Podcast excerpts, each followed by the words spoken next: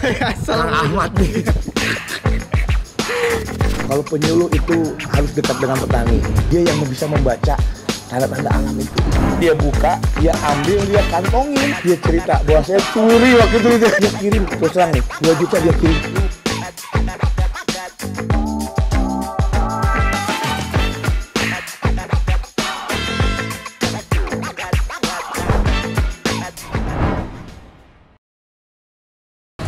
Oke, sobat tani di seluruh Indonesia. Assalamualaikum warahmatullahi wabarakatuh. Nah, di, di hadapan saya ini ada seorang penyuluh senior, penyuluh eh, pertanian yang cukup senior dan dikenal banyak penyuluh di seluruh Indonesia. Wah, wah. Nah, udah ke mana-mana nih, Pak Dani Medio Novianto. Kang Ahmad nih. Apa kabar Dani? Oh baik. Ah, sangat baik banget ya hari ini saya.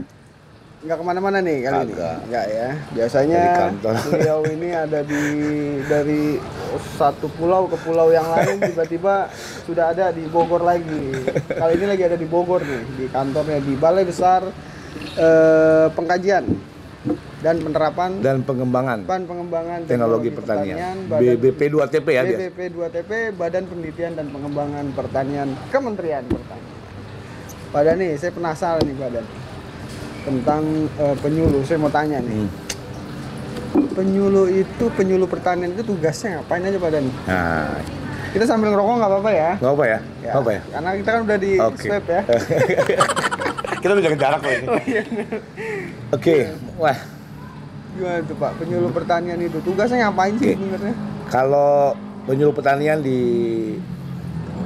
catatan ada namanya permentan ya. Hmm.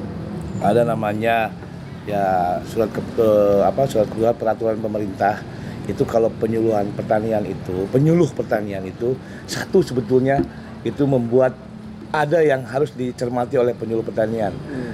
ada merubah pengetahuan mengubah keterampilan dan sikap petani Itu untuk PKS petani itu ya? untuk petani memang Jadi dia itu memang khusus eh, sasarannya petani. petani bagaimana dia hidup supaya sejahtera Betul. bagaimana dia meningkatkan produksi uh, usaha taninya Oke. supaya meningkat dan tapi sekarang sebetulnya penyuluh pertanian itu tidak tidak hanya bagaimana memberikan uh, pengetahuan keterampilan dan merubah sikap petani tentang uh, meningkatkan produksi tidak hanya itu sebetulnya bagaimana penyuluh pertanian itu bisa menjembatani petani ini Hmm. bagaimana petani supaya ada istilahnya bankable bisa uh, ke urusan dengan bank kemudian bisa juga uh, berkelompok bagaimana menumbuhkan kelompok tani dia juga tidak boleh hidup sendiri petani itu harus bisa berkelompok dan lain-lain. Dan bahkan kalau saya boleh bilang penyuluh pertanian itu itu harus jadi broker istilahnya. Broker. broker broker itu ya mem- membantu petani lah. Misalnya petani menjualkan produknya bagaimana Oke, petani itu iya, Pak Dani iya, iya. gimana dong Bagaimana misalnya di misalkan menjual harga panennya itu yang lebih tinggi di mana Iya, nih gitu iya, supaya gimana? petani itu untung gitu iya ya. harus supaya petani itu memang Jadi tidak bukan hanya memberikan pengetahuan, keterampilan tentang dan sikapnya keterampilan, tapi juga- semuanya malah jadi apa namanya mul harus multi talenta di lapangan Nah, gitu ya. ada sesuatu ada penyuluh penyuluh teman saya rekan saya di daerah itu Hmm. saya pernah ngajak ngobrol bahwa ternyata penyuluh pertanian itu harus multi talenta multi talenta berarti kan harus bisa serba bisa semua di samping dia juga tentang ilmu-ilmu pertanian pertanian dalam arti luas ya pertanian itu mas- termasuk peternakan dalamnya Oke. Eh, itu bagaimana eh, si petani itu bisa membuat network kepada petani lainnya apalagi di era digital Apalagi sekarang digital ini. modern ya. Bagaimana mungkin kadang juga eh, bagaimana mengajarkan eh, petani itu untuk lebih mengerti tentang IT kali ya. Betul, betul. Apalagi sekarang ya, eh, Bro Ahmad, kita petani itu lagi ditumbuhkan nih petani milenial, Hmm, petani-petani muda. ya, betul. Yang notabene kalau anak muda itu harus apa?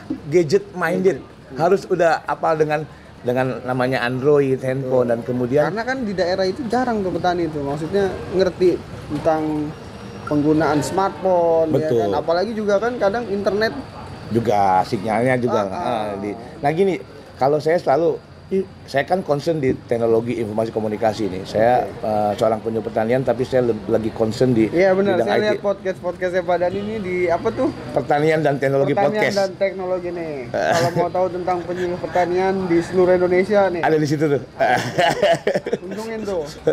Dan gini, saya selalu kenapa saya ngajak ngobrol teman-teman penyuluh pertanian? Hmm. Bukan berarti eh, saya sambil belajar juga sebetulnya, Bro Ahmad. Oke. Jadi saya juga belajar dari mereka karena saya kan keberadaan penyuluh saya ini ada di pusat. Oke. Yang mana kalau penyuluh pusat itu eh, wilayah kerjanya berbeda dengan penyuluh pertanian yang ada di kecamatan, yang ada di kabupaten. Oh, Kalau- beda tuh ya? Beda, karena dia punya wilayah binaan Nah, langsung. itu mungkin eh, dinas mungkin.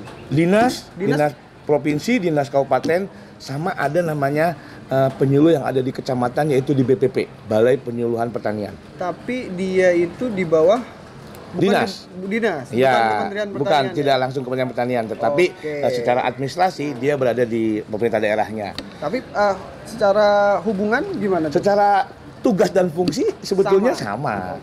Jadi cuman yang ada di pusat ini kan dia tidak punya namanya WKPP, wilayah binaan wilayah kerja penyuluhan pertanian, penyuluh pertanian. Kalau saya nggak punya WKPP, cuman saya karena eh, di pusat, jadi saya kalau kita kembalikan hitungnya, walaupun nih penyuluh pusat tapi tidak punya, punya- tapi saya sebagai penyuluh pertanian saya harus eh, bersinergi dengan penyuluh daerah. Saya tinggal di Bogor. Saya selalu bersinergi dengan penyuluh-penyuluh yang ada di Kabupaten Bogor, yang ada di Kota Bogor, Oke. sehingga saya juga begitu dia ini saya bisa sama-sama membina eh, membina wilayah-wilayah itu bekerja sama dengan mereka. Hmm. Sehingga saya juga ke petani, ke KWT KWT kelompok wanita tani karena makasih karena kalau eh, kita yang ada di Bogor eh, arahnya lebih banyak ke urban farming, pertanian perkotaan. Sehingga kalau di pertanian perkotaan itu kebanyakan kelompok-kelompok tani ada kelompok wanita tani. Seperti Bro Ahmad nih sekarang ada di Taman Tak. Ta- Kebanyakan Tajiro. ibu-ibu PKK. Ibu-ibu PKK. Ketahu. Iya iya benar. Tapi paling asik loh kalau ketemu dengan ibu-ibu PKK, kelompok wanita tani, pasti kita banyak makanan di situ. Oke, saya mau tanya lagi nih. Kadang itu kan petani itu dia itu sangat idealis ya. Nah, itu mungkin suatu kendala di lapangan ya bagi Emang. para penyuluh tuh. Emang. Mengatasinya seperti apa tuh? Kadang dia nggak percaya tentang dia lebih percaya apa namanya hitungan alam ya. Betul, betul. Dibanding dengan eh, Eh, ya secara saintifik gitu ya, secara saintifik. keilmuan ya. Betul. Nah, itu mengatasinya seperti apa, Gini, Pak? saya pernah eh, ketemu seorang petani yang ada di eh, apa Sulawesi Barat itu, eh, Sulawesi Barat ya, Sulawesi Barat betul di. Saya lupa nama kabupatennya. Namanya Pak. Dia udah tua tapi dia ngobrol sama saya banyak banget. Jadi dia bilang gini, sama sebetulnya yang menjawab. Jadi eh, karena nih saya kalau ngelihat misalnya ada tanda-tanda alam, nah itu tanda alam, itu namanya kearifan lokalnya dia. Betul. saya harus menanam oh ini berarti udah mau hujan nih. Berarti saya mungkin ada kelihatan eh, belalang udah mulai ada kemudian pohon-pohon ada yang udah eh, tumbang. Itu ternyata mereka pakai juga. Itu kalau di Jawa dibilangnya pranata mangsa pranata mongso. Pranata Mongso. Oh itu di ada ilmu ilmu memang alam zaman dulu itu petani atau orang-orang tua dulu orang itu dia melihat kalau ada pohon kapuk eh, gugur nih mulai mulai mulai ah ini berarti harus nanam pada udah mulai menanam nih. Udah mulai Jadi, waktunya oh, menanam ah, gitu udah ya. persiapan menanam. Kemudian kalau misalnya eh, kadang warna langit itu mereka udah bisa lihat itu dan itu memang itu memang hebat banget orang-orang dulu dan petani-petani daerah seperti itu. Kan, Gimana caranya kita bisa masuk? Ya tadi seperti yang saya bilang, kalau penyuluh itu harus dekat dengan petani. Kita ngobrol banyak dengan petani. Tidak sekaligus, Bro Ahmad. Pak, besok Bapak ini ada teknologi baru pakai ya? Enggak, Nggak enggak gitu. frontal ya? Enggak. Jadi kita merubah sikap namanya itu. Oke. Bahkan ada seorang penyuluh dan saya belajar sama dia bahwa penyuluh petani itu harus ada di dalam al bersama mereka. Kalau perlu ya Ya, sekali-sekali ikuti dulu mungkin ikuti. ya. Apa yang ya, pelan-pelan kita baru ajak ngobrol. Bahkan mungkin sekali-sekali kita tidur di rumahnya Iya. ngobrol gitu apa dan itu harus dilakukan harus dilakukan oleh penyuluh pertanian saya sendiri kadang-kadang eh, kalau misalnya di kantor lagi itu saya langsung ke petani ngobrol dengan petani dengan yang di Bogor yang tuh kalau saya pas lagi ke daerah juga saya berusaha untuk datangin petani ngobrol secara dari hati ke hati Dari hati dulu. ke hati. itu penting banget. Itu harus dilakukan. Sekarang itu di zaman era modern ini ada nggak inovasi-inovasi dari eh, para penyuluh Ya. kita nih, terutama penyuluh di Kementerian Pertanian nih untuk menjaga sekarang kan itu kan climate change Nah. ya perubahan iklim yang kita nggak bisa prediksi nih kapan eh, panen mungkin kapan tanam kadang juga cuaca juga tidak menentuk apa namanya eh, apa menghajar para petani kita nih waktunya panen ternyata hujan banjir nah itu gimana itu mengatasinya penyuluh itu apakah punya trik-trik khusus gitu bagaimana untuk mengatasi itu gitu Pak Dani Oke. perubahan iklim ini Oke, saya personal ini kadang-kadang ini penyuluh daerah yang yang eh, paling paling. Cuman saya pernah ngobrol dan saya juga ngalamin eh, di daerah Indramayu. Daerah Indramayu itu namanya daerah Kerawang, Indramayu itu kan daerah persawahan. Nah, saya pernah ngobrol ternyata di sana ada namanya kelompok eh, petani kelompok alam. Dia yang bisa membaca tanda-tanda alam itu. serius itu Iya, itu sampai perguruan tinggi IPB. Kita bahkan eh, ada rekan kita dari Balik Klimat itu tahu dan kita, dia ada petani yang memang mengamati kalau ada hama ini, ah itu tanda-tanda oh musim tanam ini tanam bahkan sampai varietasnya varietas ini nih nanamnya karena ada varietas sampai ke varietas yang harus ditanam tadi. Ya, yang sampai oh ini varietas ini tahan dengan hama ini, tahan dengan ini. Sampai begitu. Aduh nama kelompoknya itu khusus petani itu meng- mengamati tentang keadaan alam, alam itu. ya Saking banyaknya petani padi khususnya ya, petani padi di daerah Kerawang, Indramayu dan daerah sekitar itu tuh, dari Sukamandi, Subang itu ada namanya eh, kelompok itu. Saya lupa namanya. Tapi saya pernah waktu itu ada kegiatan saja tentang mitigasi iklim terhadap penyuluh eh, supaya tahu penyuluh dan eh, petani bagaimana menyikapi alam itu, bagaimana terhadap perubahan iklim itu. Nah, eh, ada beberapa petani yang seperti itu. Ada beberapa petani memang yang kekeh bahwa dia tadi yang saya bilang dengan peralatan mangsanya, kemudian dengan ini. Nah, pemerintah ini khususnya Badan Litbang ini kan sudah eh, membaca itu dan dia membuat salah satu teknologi khususnya di teknologi informasi komunikasi tentang kalender tanam. oke ya Bro, Ahmad pernah dengar kan? oke kalender tanam Nah itu sebetulnya kalender tanam itu adalah eh, mengakomodir dari tanda-tanda alam itu sebetulnya. sudah merupakan sebuah Eh, sistem informasi. sistem informasi yang juga apa namanya membaca tanda-tanda alam Betul sebetulnya. Jadi kan di situ kan eh, ada informasi Cuaca lah ya, cuaca di situ ada ya. informasi tentang pupuknya, tentang varietasnya. itu berapa persen tuh Eh, maksudnya tingkat keakuratannya Nah, hasil dari Katam itu adalah memberikan rekomendasi sebetulnya. Rekomendasi yang oh kalau musim tanam ini menggunakan pupuknya ini, kemudian ini itu eh, walaupun banyak eh, beberapa daerah Pak ini kok nggak cocok dengan eh, itu karena emang kebiasaan. Mungkin eh, kalau petani kita kan biasanya yang dulu seperti itu ya terus aja itu. Iya, benar. Tapi itu juga pelan-pelan. Penyuluhnya yang berperan di sini sebetulnya. Ini loh Pak, kalau Bapak pakai tanam ini terus, nanti, nah dengan cara apa? Dengan cara membuktikan hasilnya kepada petani. Harus ada demo, demo apa? Demo plot, demo dem area, dem farm. Nah ini yang menggunakan ini, yang mana itu. Itu kadang-kadang begitu petani, oh ternyata kalau ngikuti sarannya dari Katam dan penyuluh ini hasilnya begini. maksudnya mereka kita harus memperlihatkan secara nyata Iya. gitu kepada para Kalau petani petani itu harus begitu. benar benar Harus nggak nggak nggak hanya ngomong doang, terus kita lakukan bareng nih sama mereka, kita lakukan bareng, kemudian kita lihat hasilnya. Berarti- Baru mereka tuh percaya gini ya, begitu. kadang penyuluh itu kadang justru berada di tempat misalkan kelompok tani itu bisa berhari-hari gitu ya. Harusnya bahkan seperti itu. sampai Bahkan bulan sampai panen gitu dari tanam Iya, sampai panen. karena gitu ya. kita mengawal itu. Penyuluh itu pasti bertanggung jawab eh, kepada hasil eh, eh, apa produksi pertanian terhadap pembinaannya. Nah, ini kan terkait COVID-19 ini kan, ini kan di beberapa negara tuh bahwa benar-benar kejatuhan ekonomi di beberapa negara deh, termasuk Indonesia ya. Tapi bersyukur alhamdulillah nih Indonesia masih bisa eh, bertahan selama dua tahun ini Ya. dalam pandemi COVID-19 ini 19 ini bahwa pertanian adalah menjadi kunci. Betul. Kenapa negara ini tetap bertahan? Karena pertaniannya itu masih bisa bertahan. Nah, beban para petani, beban Kementerian Pertanian dan penyuluh itu kan berat nih sekarang nih ya. Terutama juga terkait perubahan iklim, ya kan? Ini eh, gimana ini Pak Dani menyikapi ini Pak Dani? Kalau menurut Pak Dani, Udah pak? pegang aja nggak apa-apa. Udah, pegang. Pegang.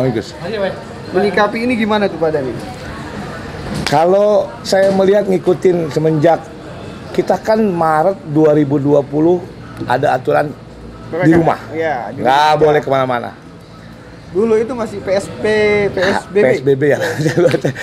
Saya ingat sekali 18 Maret 2020, bro. Iya. Jadi ketika itu saya terus berpikir, wah sektor pertanian seperti apa ya? Nah, Saya langsung berpikir begitu. Saya mulai tuh, Bro Ahmad pasti tahu lah. Saya mulai eh, malah saya produktif membuat podcast dal- dengan jarak jauh. Saya eh, lihat teman-teman yang di daerah. oh, Ternyata mereka nggak bisa berhenti. Mereka petani tetap nanam. Di situlah saya lihat dan mereka eh, dengan tentunya dengan ikuti aturan pemerintah. Tapi yang namanya bertani nanam nggak bisa berhenti. nggak berhenti Yang mereka. ada Nanti kita mau makan, makan apa gitu. ya kan? Saya ikuti terus tuh Bro Ahmad ternyata emang di situlah mulai terlihat udah mulai kita kan udah dua tahun nih ya Hmm. dua tahun lebih kita ini hampir Dua dua, tahun tahun lebih. eh, dua tahun ini. Ternyata di situ pertanian tidak pernah berhenti dan membuahkan hasil bahwa kita tidak pernah bahkan Sektor sektor, itu- bahkan sektor pertanian membuat naik. Pak Menteri bilang berapa persen? 15 sampai eh, naik ke Ya, kenaikan pokoknya ada berapa lah. presentasinya ada kenaikan ada dari sektor pertanian yang terutama yang mensupport itu. Di tahun 2021 bahkan ekspor malah ada. Ada. Dan itu tidak pernah berhenti lagi Betul dari komoditi-komoditi perkebunan terutama.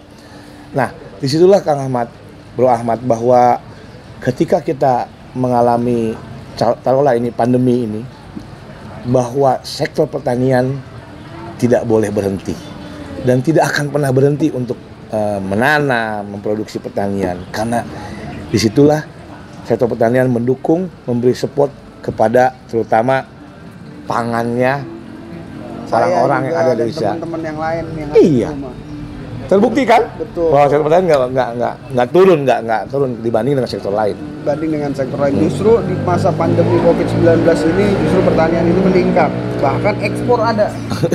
Bahkan semua pertanian. Ini Luar biasa sekali nih pertanian. Nah, ini Tunggu, juga tidak lepas bro. nih. Iya. Hmm, tidak lepas dari peran penyuluh. Betul, itu ya.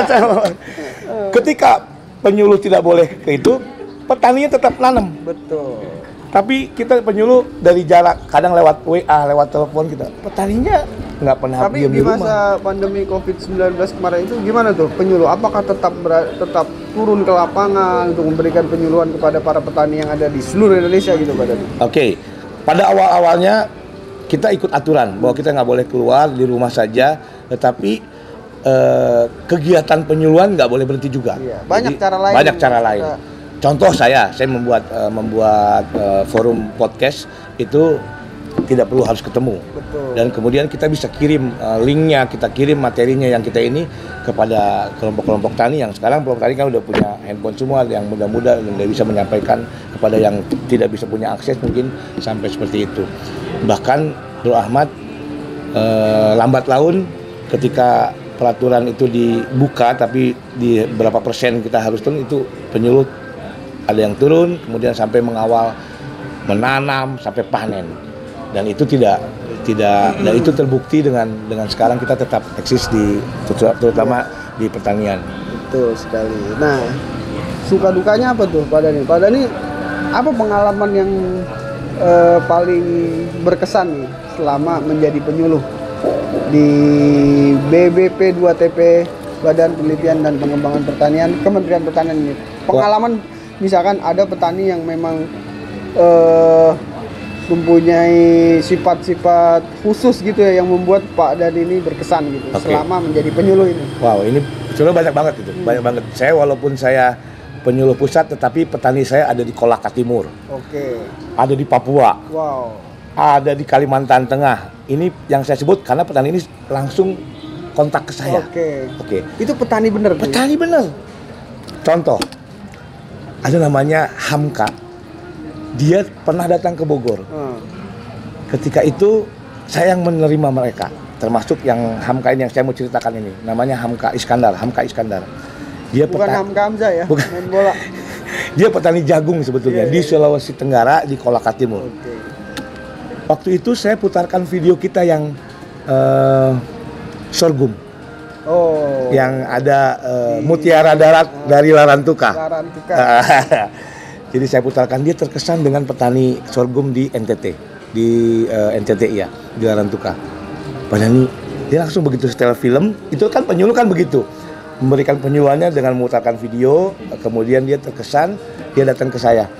Padahal ini ada nggak contoh? Dia nggak tahu apa-apa, sorghum itu apa nggak tahu. Ada nggak contoh sorghum? Ada di pameran di Argo Cinema kita.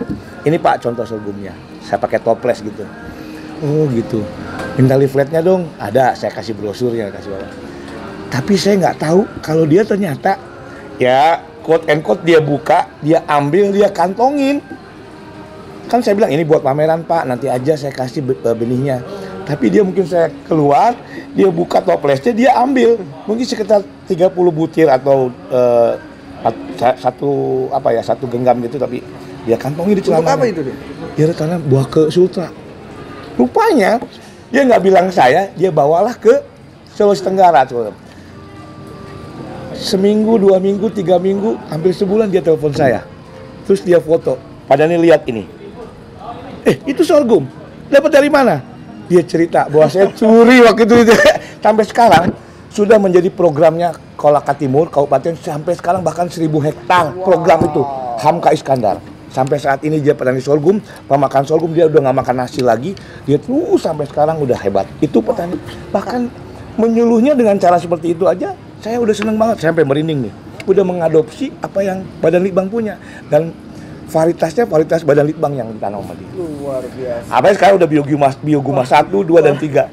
Gila tuh Walaupun caranya caranya tapi sampai saya seneng banget Iya, dan iya, iya. ketika dia ditanya sama pejabat dari mana?